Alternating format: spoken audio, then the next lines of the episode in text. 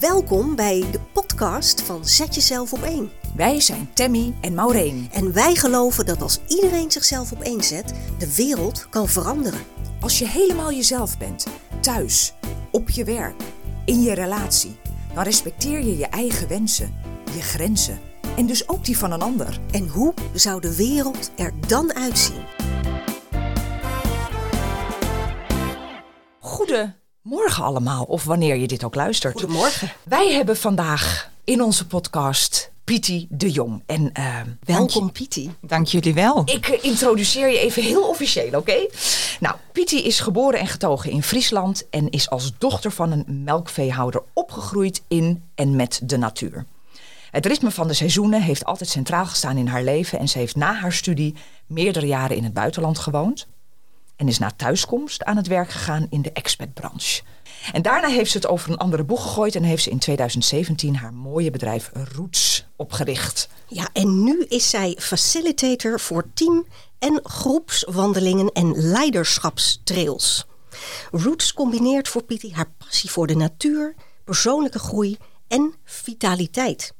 Daarbij is het belangrijkste voor Pietie om de verbinding met onze ware ik te bewerkstelligen. En Pietie gebruikt de natuur hiervoor als spiegel en inspiratiebron. Wauw, Pietie, wat mooi. Zou je daar wat meer over kunnen vertellen? Ja, nou, um, waar zal ik eens even beginnen? Want het is een hele, het is al een hele mond vol. Ja, hè, zo, ja, ja, ja, ja. Van wat ik doe. Ja, Roots, um, hoe het eigenlijk ontstaan is, uh, is misschien eigenlijk wel een leuke uh, inleiding al. Expertbranche, noemde het al destijds. Toen liep ik vast in die periode. Ik had een burn-out. En die periode heeft echt ervoor gezorgd dat ik meer ben stil gaan staan bij mezelf. Waar kom ik vandaan? En waar, wil, waar sta ik nu? En waar wil ik naartoe? En ik zie mezelf nog zitten op mijn balkon en ik denk, ja, wat is werkelijk belangrijk voor mij? En dat is het wandelen, het is in de natuur zijn. En ook die verbinding, die miste ik heel erg, ook destijds uh, in mijn werkende leven. En waar ik vandaan kom, is inderdaad de boerderij en de natuur.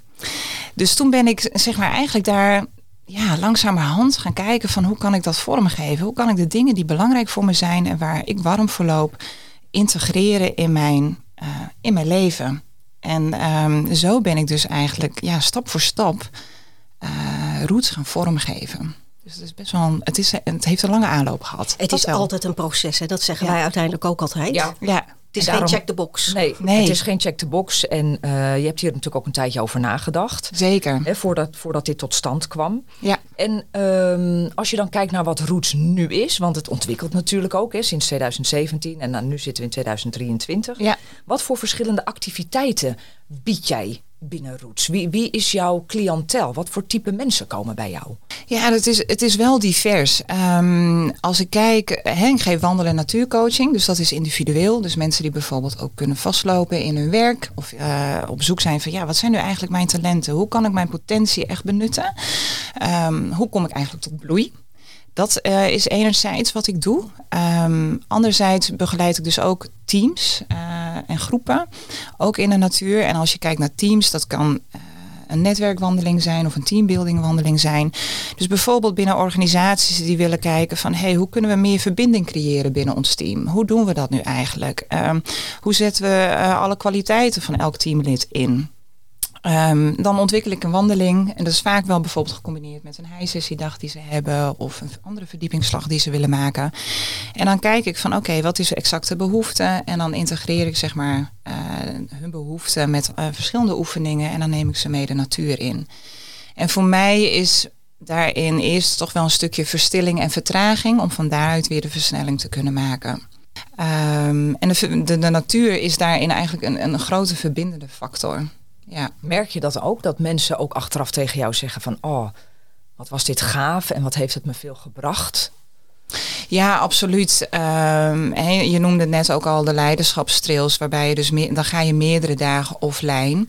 Uh, dat kunnen ook nou ja, mensen, werknemers zijn, ondernemers. Dat is vaak middels open inschrijving heet dat. Um, dan, uh, dan zie je vaak dat mensen in het begin vinden ze het spannend, want je levert je telefoon in. Um, uh, dus even geen contact met de buitenwereld. Het gaat dan echt over het contact met je binnenwereld.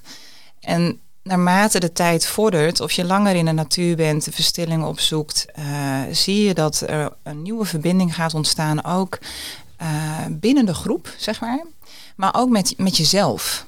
Um, dus je komt eigenlijk op een diepere laag van, van jezelf terecht. En dat, dat zie je. Soms kan je dat inderdaad bewerkstelligen ook binnen enkele uren in een wandeling. Maar als je langer de tijd neemt, ja, dan kom je toch wel weer op een andere laag terecht. Ja, kom je op een ander pad uit. Absoluut, ja. Wij hebben natuurlijk samengewerkt, uh, nou ik zal de naam niet noemen, maar bij een uh, grote expertonderneming. Hè, en je zei van nou daar ben ik vastgelopen. Ja. Uh, nou, we vinden het ook belangrijk dat de luisteraars ook nou ja, geïnspireerd raken door onze gasten. Van hé, hey, dit herken ik, hè, dit heb ik ook, hier loop ik ook tegenaan, hier worstel ik mee. En ook dat het niet hoeft, hè, dat je die worsteling ook niet hoeft uh, uh, aan te gaan dagelijks. Dat er ook andere mogelijkheden zijn. En wat was nou terugkijkend het gedeelte waarvan je zegt... dat heeft me echt genekt. Dat, dat was voor mij echt... als ik terugkijk dat ik denk... nou, dit, deze elementen waren voor mij heel ongezond.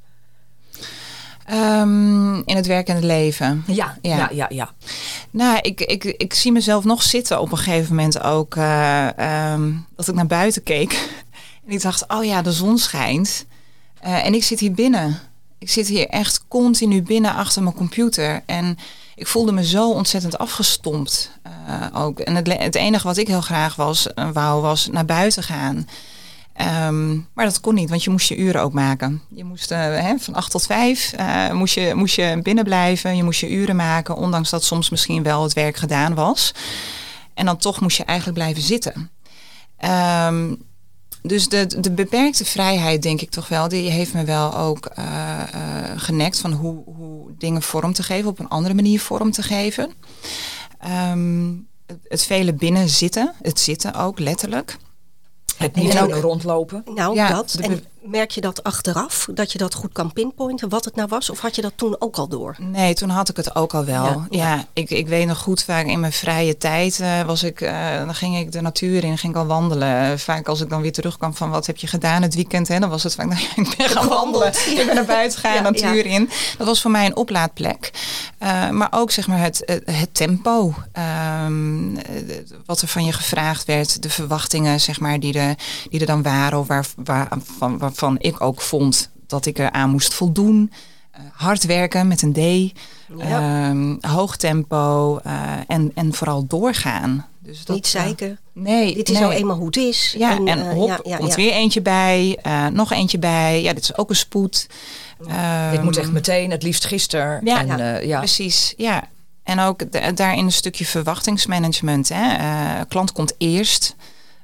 Um, ja, dat was ook wel, dat is wel eentje die ik ook wel echt mee heb genomen. Want of ook vanuit huis mee heb gekregen, is de ander dan jezelf. Nou, precies. Ja. precies. Want dus de opvoeding, zou je kunnen zeggen, heeft eigenlijk best een hele belangrijke rol gespeeld. In dat hele proces natuurlijk, wat je bent. Uh... Ja, absoluut. Ja, ja ik, dat was wel mooi, want de afgelopen dagen was ik dus even in Friesland ook bij mijn ouders om, uh, om naar Stef Bos te gaan. Ja, ja. Uh, dat vind ik echt een enorme inspiratiebron ook. En toen heb ik het ook nog met mijn ouders erover gehad. Uh, en toen zeiden we ook van ja, we hebben zo, of jullie hebben dat ook geleerd vanuit jullie ouders. Dus we begrijpen waar het vandaan komt. Maar wij hebben dat ook meegekregen van eerst de ander, dan pas jezelf. Ja, ja. Dus je checkt eerst in bij de behoeften van een ander. En ik denk dat dat kwam in uh, de expertbranche ook zeker heel erg sterk naar voren. Eerst de klant. Het ging niet over hoe, hoe jij erbij zit of hoe jij je voelt. Nee, het gaat over dat je de klant bedient. Um, en, en dat had ik heel goed geleerd, ook vanuit ja, huis. Ja, en daardoor kan, ja. kon ik de klant ook heel goed bedienen. Behalve um, jezelf. En behalve mezelf. ja, um, dus ik zie ook wel zeg maar, van wat, wat het me heeft opgeleverd.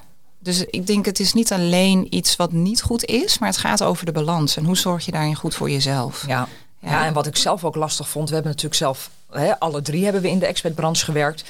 Wat ik zelf ook uh, moeilijk vond, was de, de eisen die gesteld werden, maar ook de hoogte van die eisen. Die ja. werden ook steeds verlegd. En, en die werden steeds ook gekker eigenlijk. Hè? Dus ja. je moest ook steeds een, een, een, een laag dieper in het onacceptabele ervan. Exact. Hè? Het werd steeds absurder. En men vond ook eh, dat het allemaal maar kon. Eh, ja, maar het moet over een half uur moet dit of dit geregeld zijn. Terwijl dat eigenlijk fysiek Niet mogelijk was. Ja. Ja. maar dan ja. toch eh, als klant de ruimte voelen om die absurde vraag te stellen. En tegelijkertijd ook de wetenschap van ja, maar ze hebben dan toch ook ergens die ruimte gevoeld. Ja, Hè, want dus we moeten het ook bij onszelf zoeken. absoluut. Het was natuurlijk absurd dat die klant eh, de vraag stelde. Hè, dat vind ik nog steeds. Maar tegelijkertijd, als iemand de ruimte niet voelt, komen ze ook niet met die vraag. En dat was aan ons eigenlijk, hè, de taak om te zeggen van... dit gaat niet gebeuren, morgenochtend bent u de eerste. Ja, en, en dat is dan ook weer lastig, want als je bepa- of mensen hebt uit een bepaalde cultuur, die zijn gewend om verwend te worden of gepamperd. En op het moment dat ik dan een keer nee zei, werd ik gelijk van het account gehaald. Ja, Dus hè, het had ook nog wel consequenties als je dan voor jezelf opkwam. absoluut. En dat het zijn werd ook allemaal- gestraft, hè? Het werd gewoon Als je je grenzen aangaf, Ja, werd het gewoon ja, gestraft. Het had direct een consequentie. Exact. Ja. Dus ja, het heeft wel wat voeten in aarde. En dan moet je op den duur bedenken van, nou ja, goh, misschien pas ik niet in deze context. maar dat duurt even, hè, voordat we dat dan doorhebben. Ja, zeker, ja, ja. zeker. Ik denk dan, het heeft eerst ook met eh, toch een stukje identiteit te maken Mhm. ook. Ik weet nog goed, eh, toen ik uiteindelijk die keuze maakte en ehm, ook niet, ja, om, om vervolgens niet meer terug te keren. Hè, is wel geprobeerd natuurlijk, eh, wat stuiptrekkingen en vervolgens dan toch de keuze gemaakt van nee, ik keer niet terug eh, naar, naar deze werkgever, ook niet in deze branche.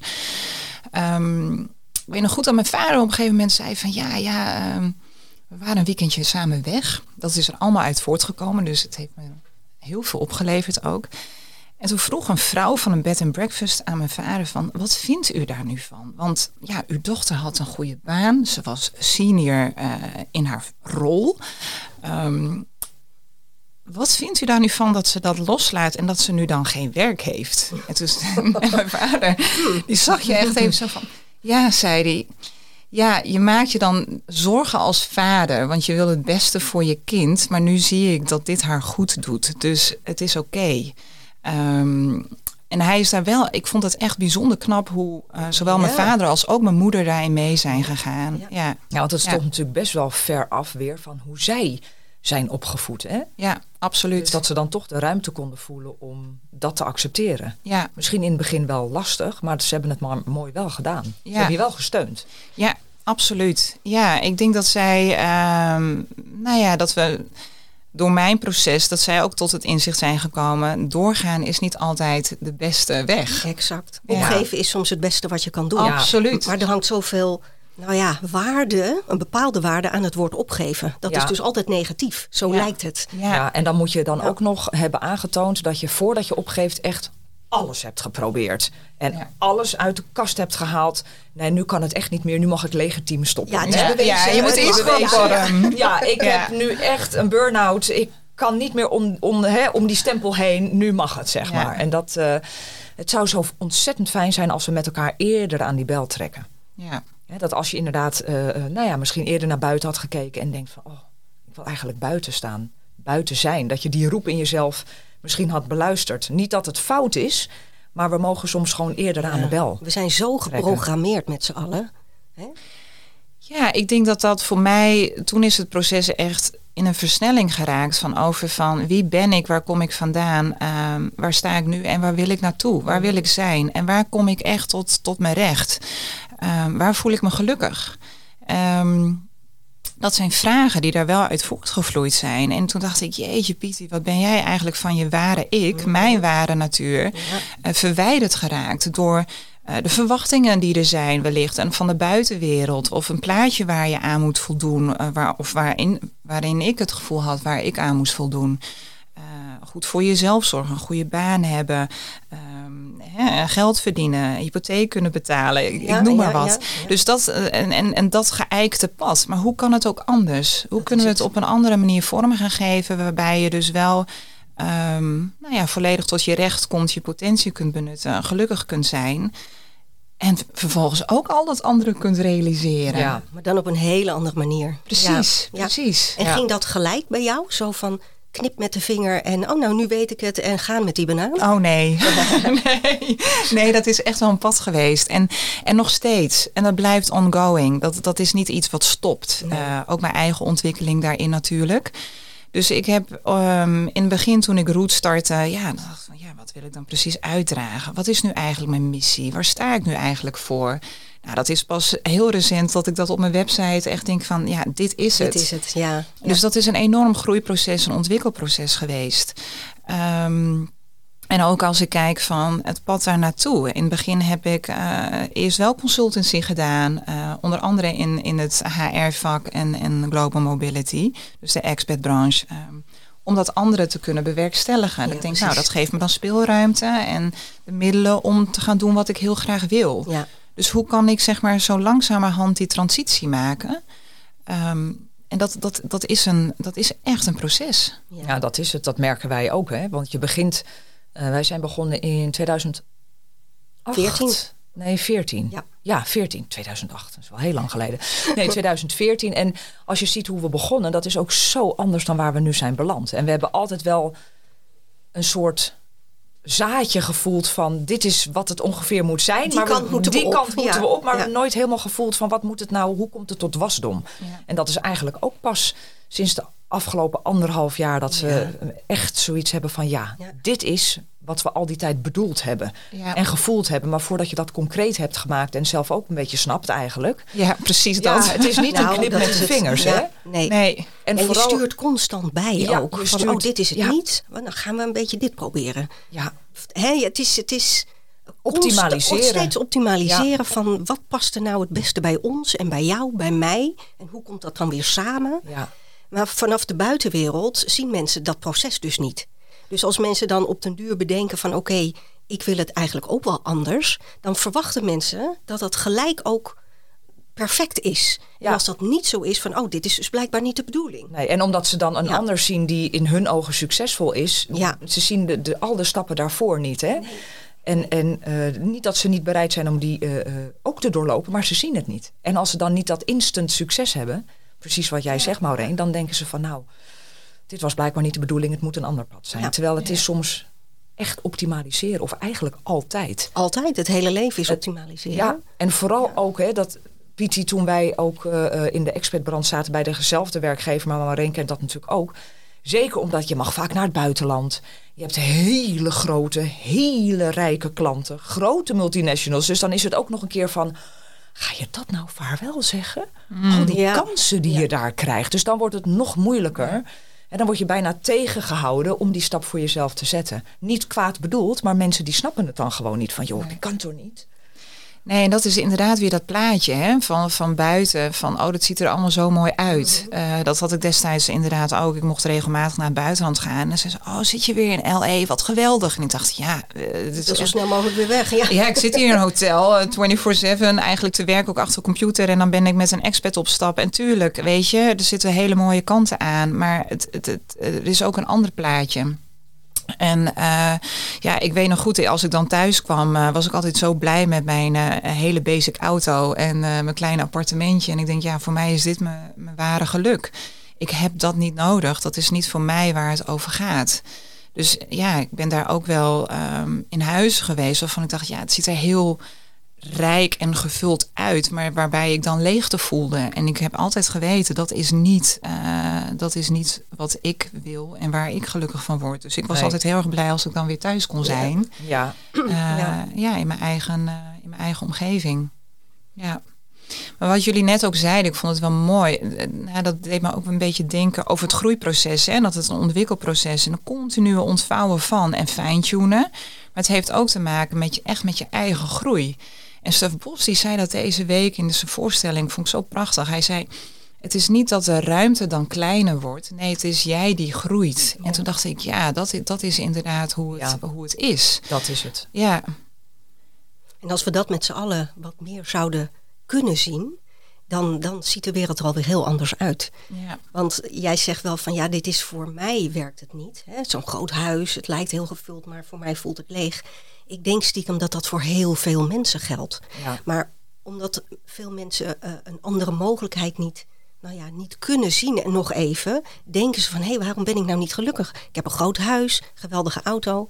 En vaak zit het in heel veel mensen. We hebben als mensen niet veel nodig. Nee. Maar die status is nog steeds een ding. Ja. Ja, Ja. en dat is ook waar voor ons Zet Jezelf op één over gaat. Hè. Niet, eh, tuurlijk, het gaat over heel veel dingen. We zeggen ook altijd, het is heel gelaagd. Hè. Nee zeggen, je grenzen aangeven. Maar het gaat veel meer nog over authentiek zijn. Ja. En die ruimte durven innemen. Ja. Dat is het. Want het is eh, je- jezelf op één zetten is niet per se. Oké, ik moet mijn baan dus opzeggen.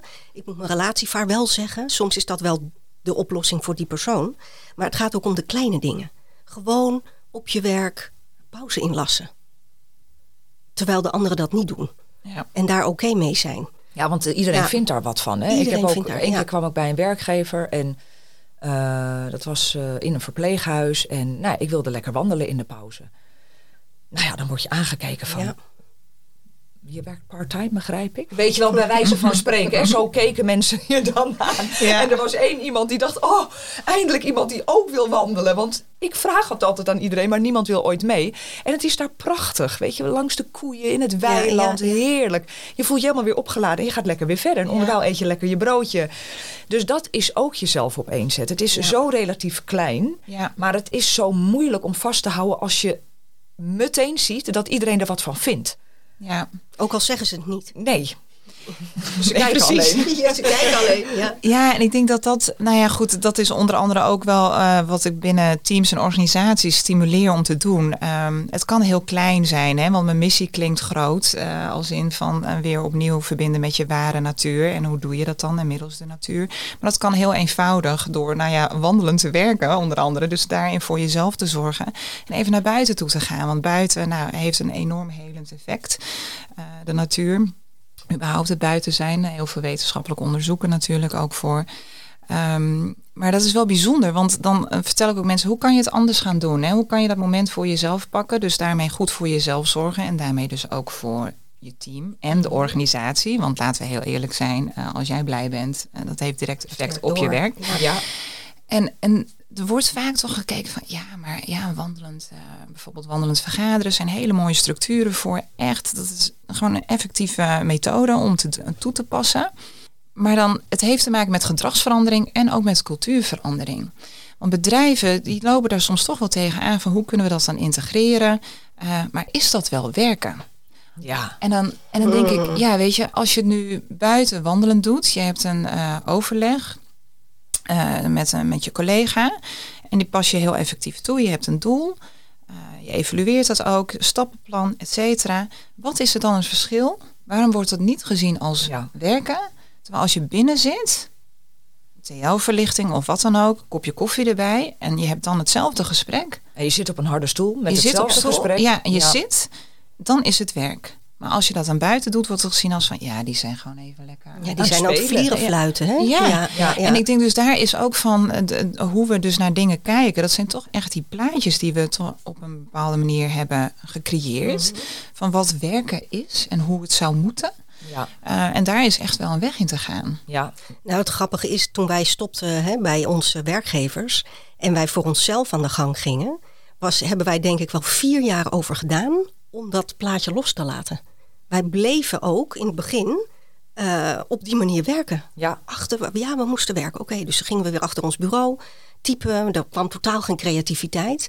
Nee, want dan hadden we hard gewerkt aan het eind van Ja, de dag. En konden we zeggen, want anders ben je lui. En hè, dat, dat, dat duurde zo lang voordat Ja. dat eruit was. Hè?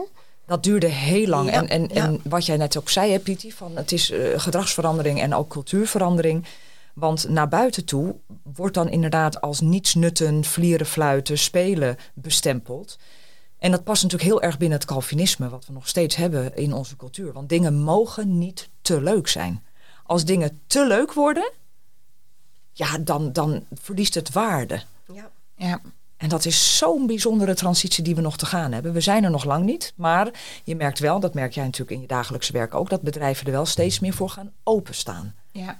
Het gaat niet snel, maar het gebeurt wel. Het gebeurt wel, ja, absoluut. Ik zie echt daar een, een, een positieve beweging. Eh, ik denk ook, ze moeten ergens ook. Hè. Er is ook een, eh, een, een ehm, toenemende behoefte ook van werknemers om in beweging te zijn. Vitaliteit, vraagstukken. Eh, we zitten heel veel met elkaar.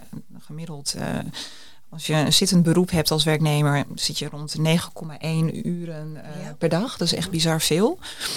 Ehm, Dus men moet ook. Uh, tegelijkertijd denk ik ook dat er wel een groeiende intrinsieke uh, motivatie is. Dat vanuit de werknemers bedoel je? Vanuit de werknemers, ja. Ja, ja, precies. Mensen denken, we willen het graag op een andere manier vormgeven. Ja. ja. en de werkgevers kunnen er ook niet omheen, omheen dat we steeds zieker worden met z'n allen.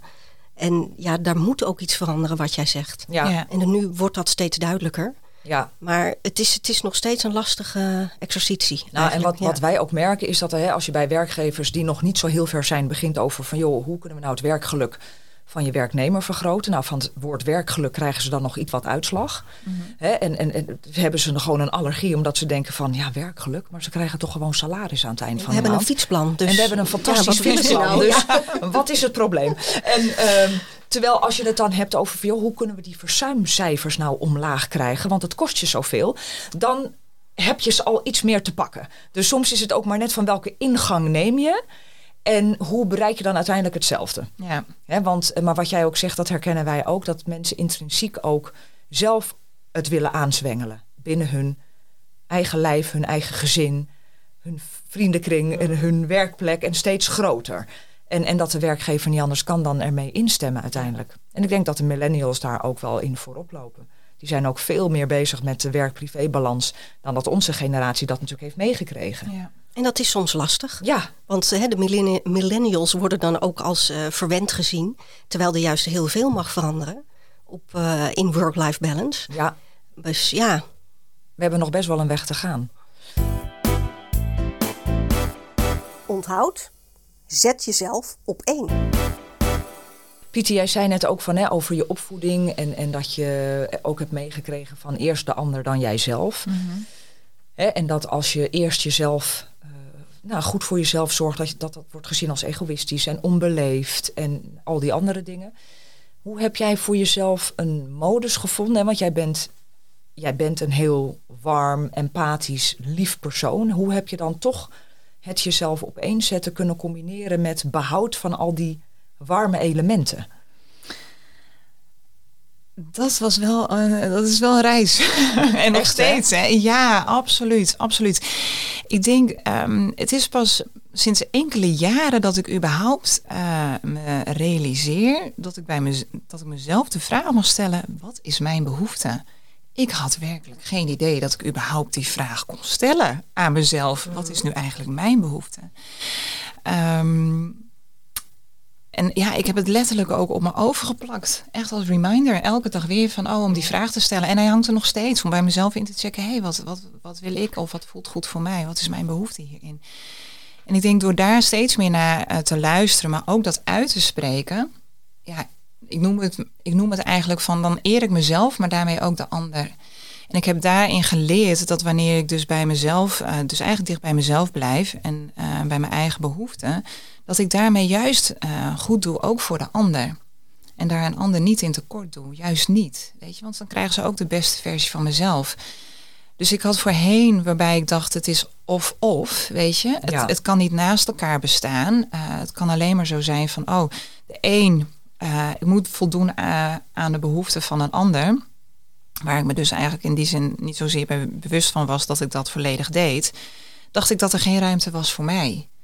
Uh, en nu heb ik denk ik de afgelopen jaren uh, dat proces van dat dat dus heel goed naast elkaar kan bestaan. Ja. Dat juist wanneer ik dus eerst uh, mezelf dus op één zet en incheck bij mijn eigen behoeften, dat ik daarmee ook de ander eigenlijk op één zet. Ja. ja. En dat Ja. is het. Je geeft Ja, jezelf letterlijk toestemming Ja. om ook naar je eigen behoeften te kijken. En dat is zo belangrijk, waar daar, be- daar begint het mee. Daar begint Ja. het mee. En ik merk ook aan mezelf dat als ik bijvoorbeeld. Ik, ik ben niet iemand die snel eh, snauwt of ongeduldig is of gewoon onhebbelijk doet, eigenlijk.